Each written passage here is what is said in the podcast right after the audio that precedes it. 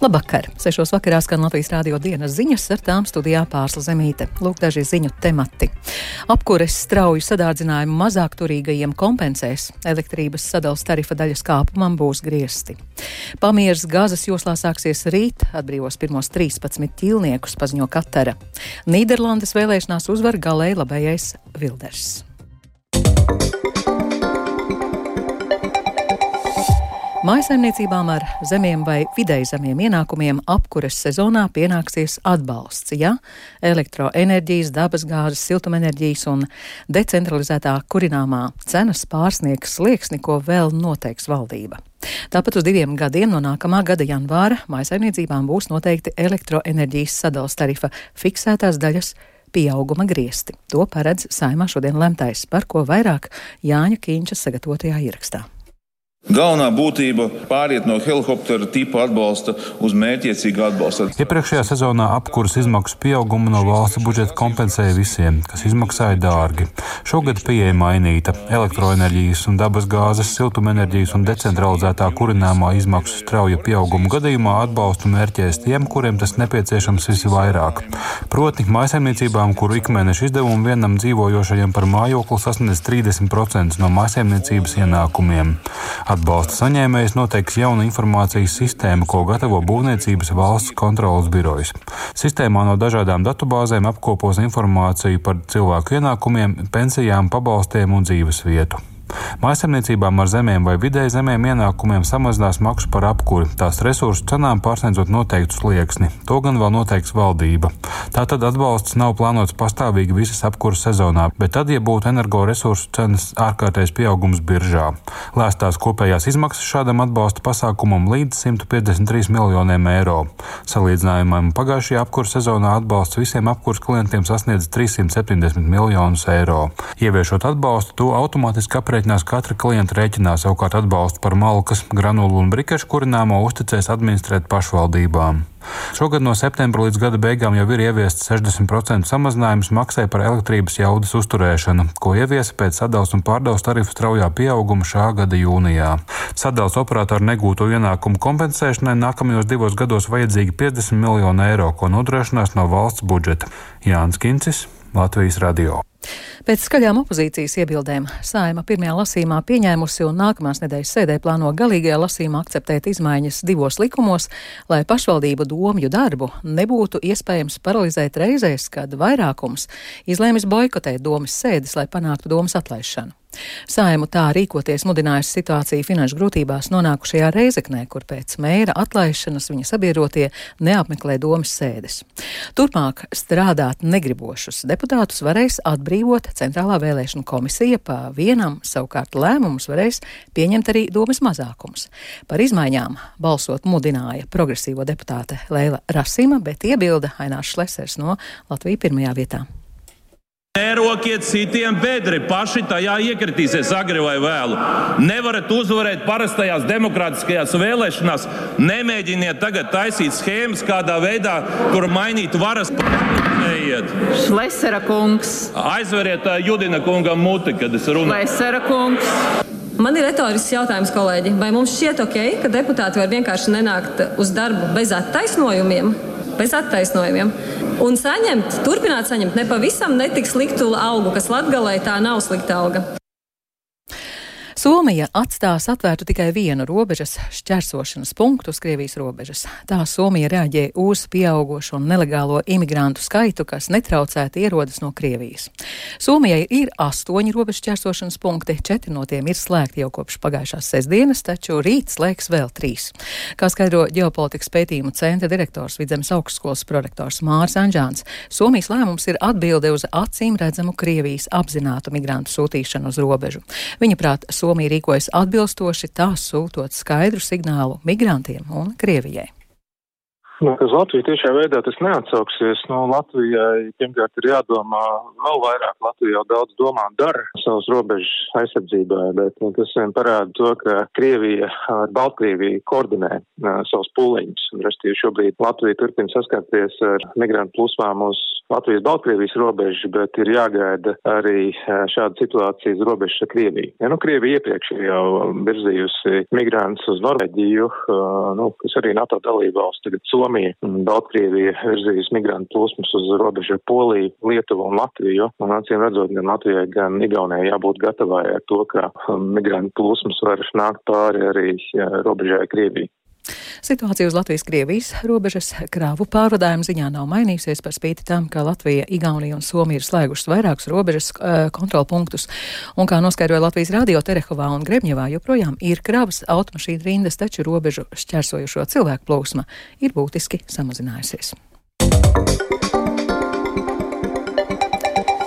Pamieras Gazas joslā un ķīlnieku atbrīvošana sāksies piekdienas rītā. Tā šodien paziņoja Kataras ārlietu ministrija. Ap četriem pēcpusdienā Hamas atbrīvos 13 cilvēkus, sievietes un bērnus.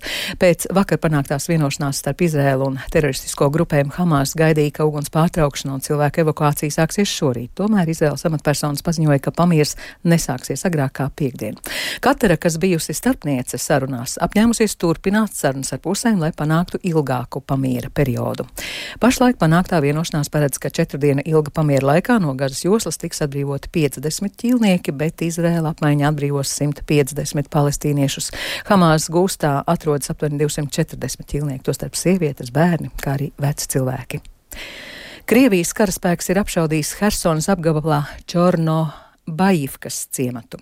Ukrainas iekšlietu ministrijas vadība ziņo par trim bojāgājušajiem un pieciem ievainotajiem.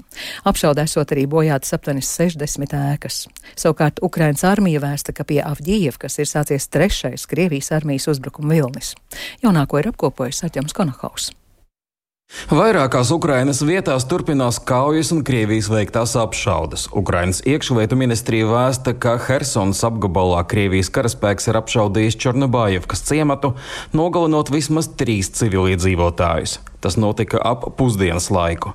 Neoficiāli šī apšaude tiek saistīta ar to, ka ciematā tika izziņots par gaidāmajām kritušā Ukraiņu karavīra bērēm. Bēru mīlesta dalībniekus Krievijas armija apšaudīja arī iepriekš. Nīderlandē parlamenta pirmstermiņa vēlēšanās visvairāk vietu izcīnījusi Gērta Vildersa vadītā galēji labējā brīvības partija. Tā iegūsi 37 no 150 parlamenta apakšpalātas deputātu vietām, dubultojot savu līdzšanējo pārstāvniecību. Neskatoties uz Vildersa triumfa, vē, eh, triumfa vēlēšanās, vēl nav skaidrs, kā viņš var iegūt nepieciešamo atbalstu pietiekami plašai koalīcijai, lai izveidotu stabilu valdību. Stāsta Rihards Plūne. Sagrāvi vēlēšanās piedzīvojusi līdzšanējā premjera Marka Rites pārstāvētā liberāli konservatīvā tautas partija brīvībai un demokrātijai. Zaudējumu atzina arī bijušais Eiropas Savienības komisārs un tā dēvētā zaļā kursa ieviesējs Frants Timermans un viņa pārstāvētā darba partijas un zaļo koalīcija. 60 gadus vecā Gērta Vildersa un viņa brīvības partijas uzvara vēlēšanās nozīmē Nīderlandes politikas kursa maiņu labējā virzienā. Briselē par to bažīja Ungārijas, jo partija pat ir apsolījusi rīkot referendumu par Nīderlandes dalību Eiropas Savienībā. Vildersa uzvaru ar prieku sagaidīja gan Ungārijas premjers Viktors Orbāns, gan Francijas galēji labējā politiķe Marina Lepēna. Prieku neslēpa arī pats Vilders. Die Nederlander die heeft ook hoop. Mēs vēlamies un mēs nodrošināsim, ka holandieši atkal būs pirmie, ka holandiešiem ir cerība, un Nīderlandes cerība ir, ka cilvēki atgūs savu valsti. Mēs nodrošināsim, ka Nīderlande atkal piederēs Nīderlandiešiem, ka patvēruma tsunami un imigrācija tiks ierobežota, ka cilvēki savos maciņos atkal redzēs vairāk naudas, nevis mēs tērēsim desmitiem miljārdu muļķībām. Drošība Nīderlandē atkal būs savesta kārtībā, ka veselības aprūpe atkal būs savesta kārtībā zorg weer op orde komt.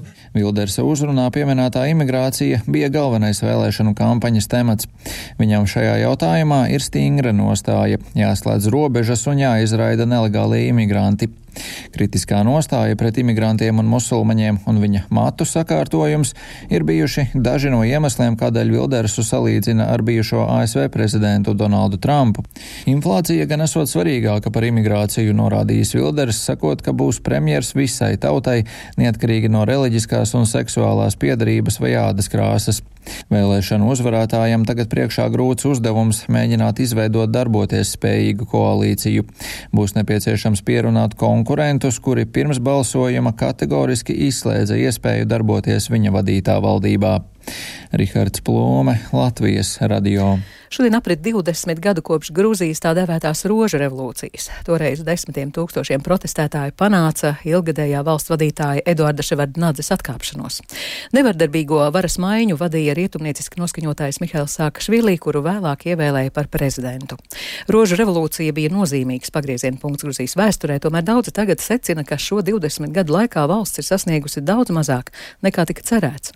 Politologs un bijušais Grūzijas izglītības ministrs Gija Nodija uzskata, ka Grūzija joprojām nav tikusi skaidrībā par to, kādu attīstības ceļu tā iet какие-то там, не знаю, иллюзии или надежды. Zināmas ilūzijas vai cerības bija saistītas ar to, ka mēs caur rožu revolūciju beidzot pametām Krievijas ietekmes zonu un virzāmies uz rietumiem. Zināmā mērā tas bija pamatoti, jo mēs patiešām vairāk vai mazāk esam izvēlējušies rietumu attīstības ceļu. Tomēr šis jautājums ir aktuāls arī šodien. Mēs joprojām paliekam pierobežas situācijā, neraugoties uz to, ka drīzumā varam saņemt un visticamāk arī saņemsim Eiropas Savienības kandidātu valsts statusu.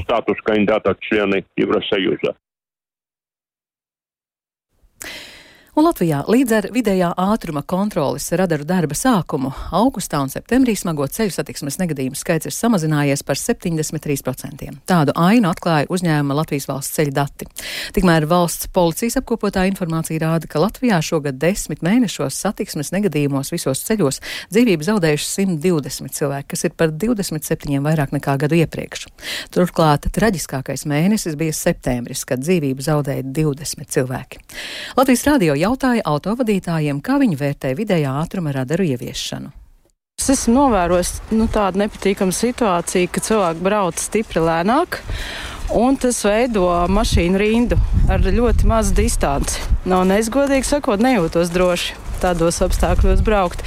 Jo, protams, ir vadītāji, kas dzen garām, un tas rada bīstamību, jo viņiem, protams, ir vēlme pēc tam tā rindā iesprāgties.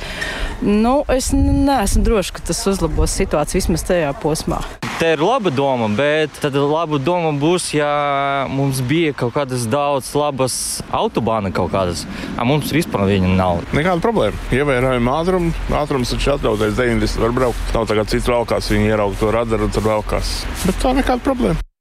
Tā autovadītāja par vidējā ātruma kontrolas radaru darbību.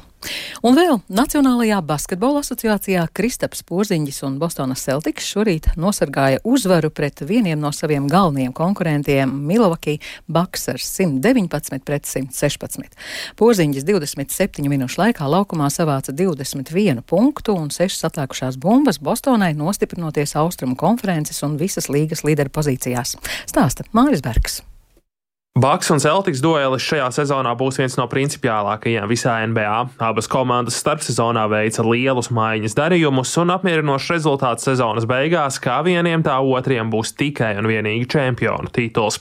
Porziņģis šorīt izcēlās ar vairākām skaistām epizodēm, triecot bumbu grozā no augšas pāri pretspēlētājiem. Latviešu basketbolists savos komentāros norāda, ka izbauda spēlēšanu ar pārējām Celtics zvaigznēm un ar katru dienu sapratne laukumā kļūst tikai labāka. Bostonai vēlreiz apliecinot savu spēku pret vieniem no galvenajiem konkurentiem līgā šo sezonu. Un ar to izskan Latvijas rādio dienas ziņas. Producents Edgars Kupčs ierakstus montēja Uldis Grīnbergs, par labskaņu rūpējās Katrīna Bramberga. Ar jums runāja pārsla zemīte vēl īsti par svarīgāko.